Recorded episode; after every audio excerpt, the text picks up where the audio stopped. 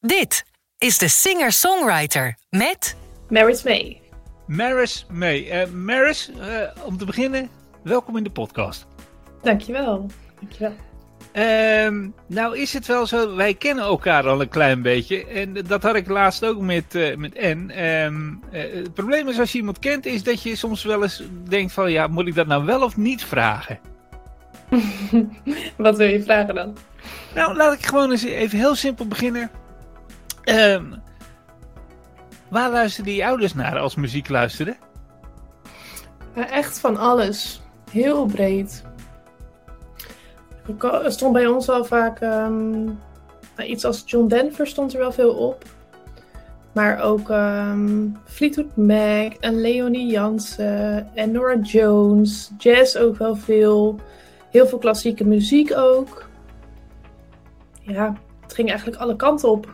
Ja. Uh, ze waren, uh, mijn ouders hebben niet per se één, één genre waar ze helemaal voor gaan. En, en was het ook zo vroeger dat als jullie bijvoorbeeld bij wijze spreken op vakantie gingen, dat er een favoriete cd in de cd-speler zat? ja, maar dat was een uh, Franse chanson cd. Van Le Petit Bourret heette dat. Dat was een bandje wat we ooit een keer in een uh, stadje in Parijs tegen waren gekomen. Zij zijn helemaal niet bekend of zo. Maar we hebben toen in dat dorpje daar uh, een cd'tje van hun gekocht. Dus altijd als we op vakantie gingen, dan uh, ging dat mee in de auto, ja. Ja. Had jij ook nog inbreng in wat, ze, wat voor muziek er gedraaid werd thuis? Of was de radio afblijven, is alleen voor papa en mama? Nee, wij, wij, nee, wij hadden ook wel inbreng als kinderen. Dan maar ja, vroeger hield je als kind nog wel van wat andere dingen. Dus ik zette graag K3 op of zo. Echt iets heel anders nog dan wat ik nu luister. Um, maar nee, we hadden eigenlijk altijd wel inbrengen. Ook als we dan in de auto gingen of zo, dan mochten wij ook altijd wel uh, kiezen wat we dan wilden luisteren. En uh, eigenlijk is dat ook nog steeds wel zo. Nu, inmiddels kan je lekker alles casten. Dus dan kan je gewoon Spotify uh, natuurlijk aanzetten in je woonkamer. En dan uh, vinden mijn ouders het ook heel leuk om uh, eens een, speelle, een afspeellijst te horen van uh, mijn broer, van mij, met wat wij dan luisteren. Ja. Je, zei net van ja, ik, zet de K3 op. Nou ja, goed, dat, dat is K3. Ben je een jaar of, nou laten we zeggen, 7, 8. Um, misschien nog jonger ja, in de meeste gevallen. Um, maar toen je echt een beetje de beleving kreeg van de muziek, hè, dat, dat je het echt doordrong van, oh, dit is leuk en dat is leuk. Nou, wat luisterde je dan? Dat begon een beetje toen, uh, toen ik Taylor Swift leerde kennen. Maar dat was nog wel echt in haar beginfase. Met haar een van haar eerste albums nog. Dat vond ik echt heel erg vet. Ik ging sowieso toen meer Engelse muziek luisteren, omdat ik dan ook dat eindelijk eens kon verstaan. en uh, ja, Taylor Swift vond ik echt de bom. Dat, uh, zij kon wel gitaar spelen, liedjes schrijven en zingen. Nou, dat was precies wat ik ook wilde. Dus dan ging ik haar uh, nadoen, maar ik had geen gitaar. Dus dan pakte ik een badminton racket en dat was dan mijn gitaar. en dan uh, haar liedjes zingen. En zo begon het ja. een beetje. Ja, ze, ze, ze deed dat vroeger ook. Wij hadden vroeger een café. En dan ging ik ook playbacken. En dan had ik ook zo'n tennisracket of wat anders. Of een fake drumstel. Je kent het allemaal wel. Maar, maar ja. goed. En je wordt vanzelf creatief. Ja, ja je wordt heel creatief. Dus je begon dan een beetje Taylor Swift. Je begon op je op, op je uh, tennisracket uh, lekker mee te doen. Um, maar, maar ja, je zegt net, ik, ik wilde dat zelf ook. Maar heb je altijd al de ambitie, ambitie gehad om dan de muziek in te gaan? Of was het eerst dat je ouders zeiden van, nou ga eerst wat anders studeren? Nee, eigenlijk niet. Mijn ouders wisten het volgens mij nog eerder dan ik. Dat dat voor mij bestemd was. En zij hebben gelukkig altijd heel erg daarachter gestaan, achter die keuze. Dat als, als ik het ook maar wilde, zeg maar. Dat was het belangrijkste. En als ik het idee had dat ik daar uh, gelukkig in zou worden, dan helemaal prima. En als ik toch had gedacht van nee, dit is het niet, ik ga toch, uh, weet ik veel, wiskunde doen of zo. dan uh, was dat ook helemaal prima geweest. Dat deden ze echt niet moeilijk over. Dat is, dan weet ik dat dat ook wel anders kan zijn, dus daar heb ik heel veel geluk mee. Maar het is wel altijd voor mij wel duidelijk geweest.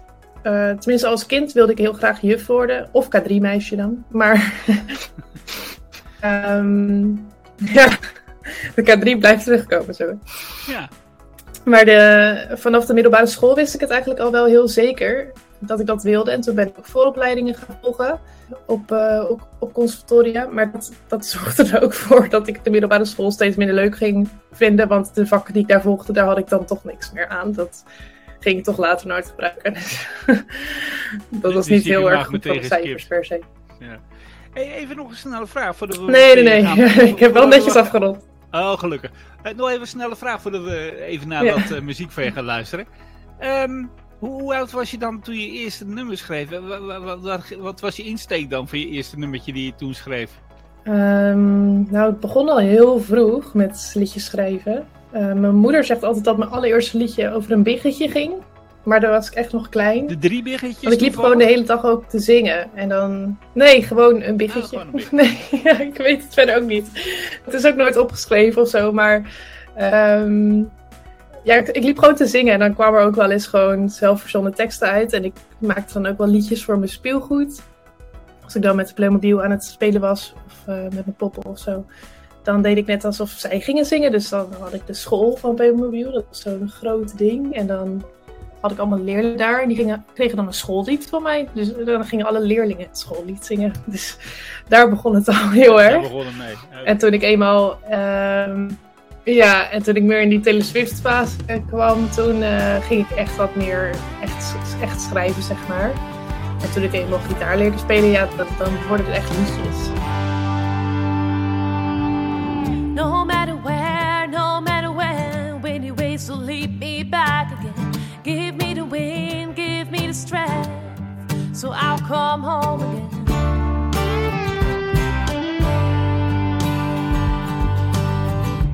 finally the time's come for me to start moving on. I'll pack my bags and grab my things, and I'll strap all my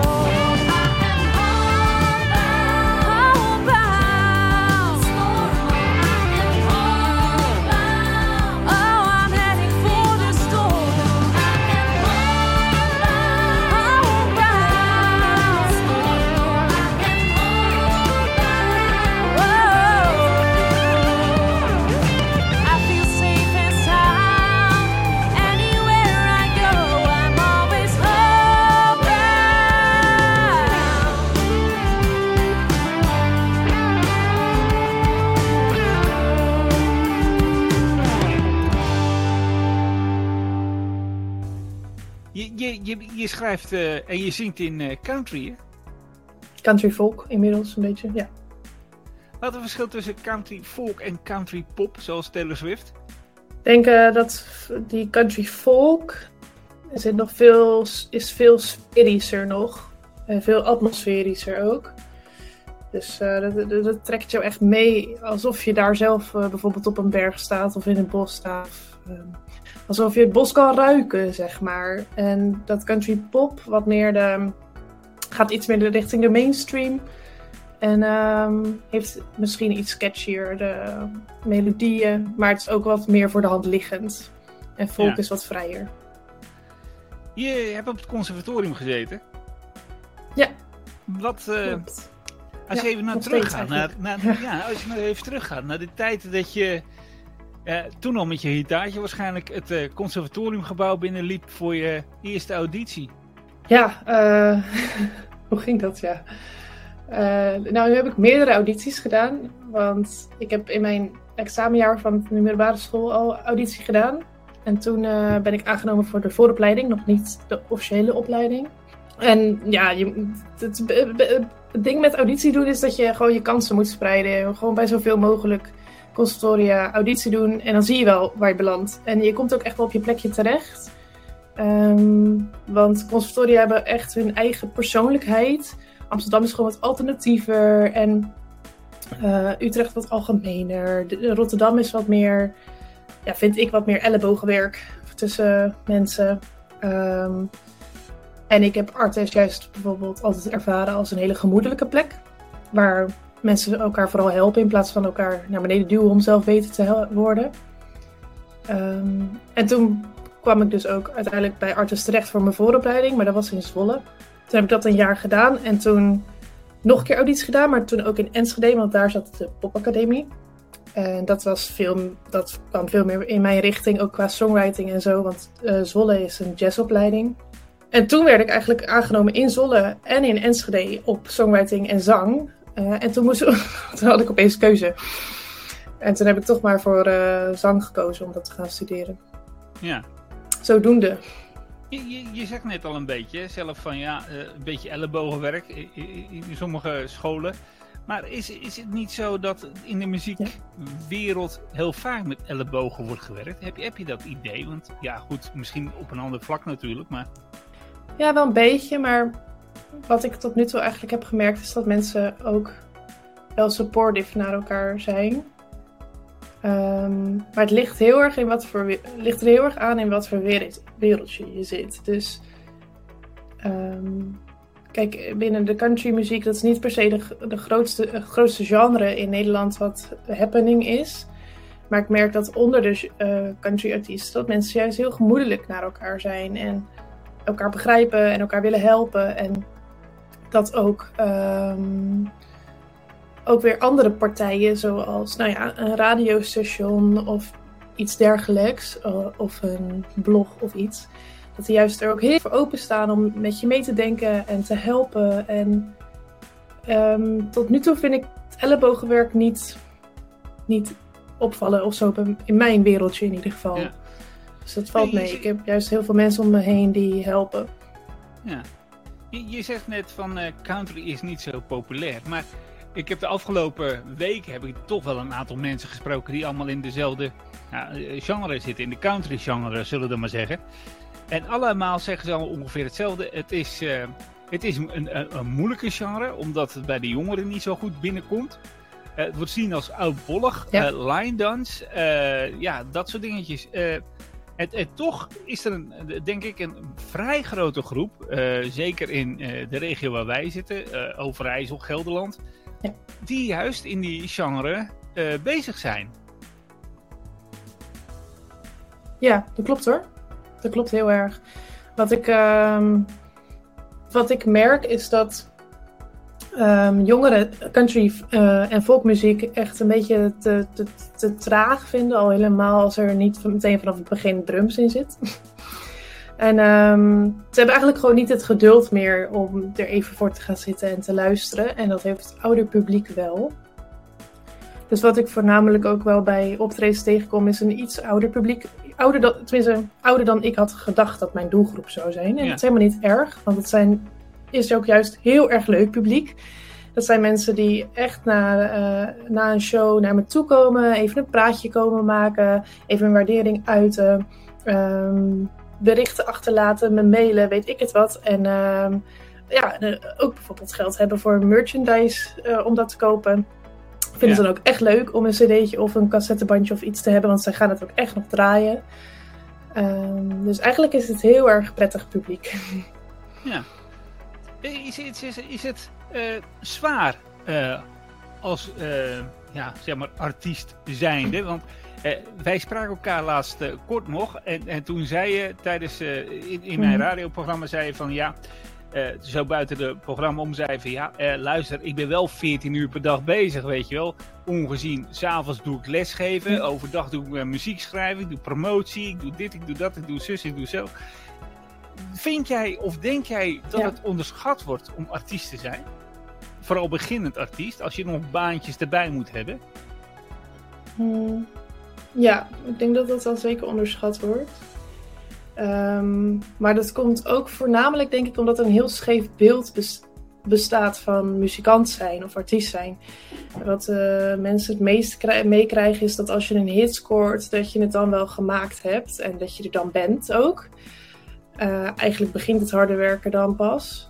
Eh, en als je nog geen hit hebt, dan is het al helemaal best wel trekken eraan soms. Ja. Of me- soms, meestal. Ehm, maar dat wereldje krijgen mensen niet heel erg mee. Dus eh, mensen krijgen vooral mee wat, ehm, wat ze op tv zien en wat ze op de radio horen. Maar dat is echt totaal niet de grootste club muzikanten in Nederland. Er zijn echt heel veel muzikanten in Nederland die gewoon wat meer low-key eh, heel erg lekker gaan en heel goed gaan. En daar ook echt zeker hun brood van kunnen verdienen. Maar dat is echt knetterhard werken. Want die hebben bijvoorbeeld dan geen management of geen boeker. Die fixen dat allemaal lekker zelf. Als je, als je nou voor jezelf verder kijkt, hè, want je geeft ook eh, lessen, hè? dat zei ik al daarnet. Eh, wat, wat geef je dan de mensen mee die bij jou les komen volgen? Want de meesten zullen Wat ik komen. meegeef. Ja, er zullen toch een aantal zijn die, die eh, laat ik zo zeggen, die, die het idee hebben van ik word artiest. Ik ga een beroepszangeres worden. Ik, of beroepszanger. Ik, ik ga, Ja. maar, maar omdat je zelf weet hoe hard die wereld is en hoe hard je ervoor moet werken. Wat, wat, wat, wat, wat vertel je dan tegen die vaak dan toch wel eh, over het algemeen jonge mensen? Nou, ik, ik, ik hou ze vooral. ehm, kijk, ik ga hun niet helemaal vertellen wat alle harde kanten van het vak zijn. Ehm, als iemand mij dat had verteld toen ik 12 was, toen ik zangles had, dan had ik het ook totaal niet geloofd. dus het heeft ook niet zoveel zin. En dat is ook prima, want ehm, ik denk juist dat je die droom ook achterna moet blijven gaan. Ondanks dat het misschien hard werken is. Want dat merk ik zelf ook. Het is hard werken en het is soms echt lastig om het allemaal bij te houden. En al die balletjes omhoog te houden eh, in je eentje. Maar ik vind het echt dubbel en dwars waard voor wat ik ervoor terugkrijg. En dat ik mijn droom mag leven en dat ik daar gelukkig in mag zijn. Dus ehm, wat ik hun vooral meegeef is dat ze er gewoon lekker in door moeten gaan. Ondanks wat een ander zegt of ondanks wat de wereld ervan vindt. Ja. Maar dat ze die droom achteraan moeten gaan. Is jouw droom dan uitgekomen of heb je nog een droom die hierna komt? Wat, wat zou dan de droom zijn als dat zou kunnen wat hierna zou moeten komen voor jou? Nou, ik, ja, een mens blijft altijd wel dromen, denk ik. Maar eh, eh, dit is al zeker een heel erg groot deel van de droom. Dus eh, dat ik mijn geld verdien met muziek maken, dat is echt eh, was een heel groot doel. En dan gaat niet per se om het geld, hè, maar dat je je tijd dus daaraan besteedt. En ehm, eh, dat ik mijn eigen muziek maak en mijn eigen muziek uitbreng, ja, dat is echt ongelooflijk dat ik dat mag doen. Ehm, en, ja, mag, ik heb daar ook hard voor gewerkt natuurlijk, maar eh, dat dat zo heeft kunnen lopen, dat, is, ja, dat kon ik als 15-jarige of zo echt alleen maar van liggen dromen dat dat ooit misschien zo was. En nu is dat zo, dus dat is heel bijzonder. Ja, En qua droom wat ik eh, nog zou willen. Eén wil ik heel graag een keer naar Nashville. Want dat is natuurlijk de country stad. Ehm, en daar zou ik heel graag willen samenschrijven met mensen daar. En daar ook willen opnemen en willen spelen in de ehm, wat daar? Bluebird Café. En ehm, wat ik ook heel graag een keer wil doen, is een theatertour door Nederland. En ehm, ja, op festivals en zo staan, zoals Stukkerville. En ehm, er zijn ook heel veel mooie country festivals in andere landen. Dat lijkt me echt eh, helemaal de bom als ik dat kan doen. Ja. Ja. Even, even nog voor de mensen die, eh, die, ja, die, die hebben net een plaatje gedraaid we gaan zo meteen nog een plaatje draaien. Maar eh, wat, wat, als, je, als je nou gaat schrijven, heb, heb je dan een bepaald onderwerp die je altijd neemt? Of eh, gaat het gewoon met de flow, hoe, eh, hoe het weer is buiten, wat de politieke activiteiten zijn? Ik noem maar even wat. Het gaat wel redelijk met de flow, maar ik heb vooral eh, woorden die terug laat komen. Of eh, ehm, metaforen, zeg maar. Ik, ik gebruik heel graag metaforen vanuit de natuur. Dus iets met een riviertje of een, een veld of een bloemetje. Of een, alles komt wel een keer voorbij. En ehm, eh, want dat- ja, de natuur vind ik heel inspirerend. En ik denk dat wij er ook heel veel van kunnen leren. Dus eh, ik vind het heel mooi om daar metaforen uit te halen. Om dingen te beschrijven die wij dan als mensen weer meemaken. Eh, maar de, het echte onderwerp, dat, ja, dat verschilt heel erg. De ene keer zit ik in de auto en dan zit ik iets te bedenken. En denk ik, oh ja, dat is wel tof om daar een keer een nummer over te schrijven. De andere keer ga ik gewoon een beetje jammen met mijn gitarist. En dan komt daar iets uit. En dan blijkt het over een bepaald onderwerp te gaan. Ja, dat loopt altijd anders. Dus dat is ook het leuke aan songwriting. Je kan het uit alle, allerlei hoeken halen. Ja. Is er, nou- is er nou iets wat, wat jij eh, nou, zou willen delen wat eigenlijk niemand van jou weet? Ik heb geen idee. Nee, ik, ik Nee? krijg wel eens te horen dat ik niet helemaal 100 ben, maar dat het komt gewoon uit een goede hoek Ach, dan, zeg maar. Nee, eh, wie, wie wel? Wie wel? ja, wie wel. Als je wel helemaal Ja. 100 bent, volgens mij ga je dan ook niet helemaal goed. Maar ehm, nee, het enige wat ik kan bedenken eigenlijk is dat ik echt een ontzettende guilty pleasure heb aan, eh, eh, aan de Mamma Mia, zeg maar, de film. Eh, en ook alle nummers die daarin voorbij komen. Dus dat zet ik heel graag aan en beleid ik heel hard mee. Maar ja, heel raar is dat niet per se. Maar dat is wel, ja, dat is wel echt mijn guilty pleasure. Oké, dat wist ik nog niet van je, maar ik ben blij dat ik dat weet. Kan ik de volgende keer, als je weer eens Nee. in de studio bent, gewoon het cd'tje van ABBA opzetten. Komt helemaal goed. Leuk, heel leuk. Ja, Ja. nu kijk ik nu al uit. Nou, dat komt goed. Staat. Eh Maris, eh, dankjewel. Ja, ik eh, jij dankjewel. spreek je. We houden contact. Ja, zeker. Doen we. Oké, tot de volgende. Yes. Dankjewel hè. Bedankt voor het luisteren. Binnenkort weer een nieuwe aflevering.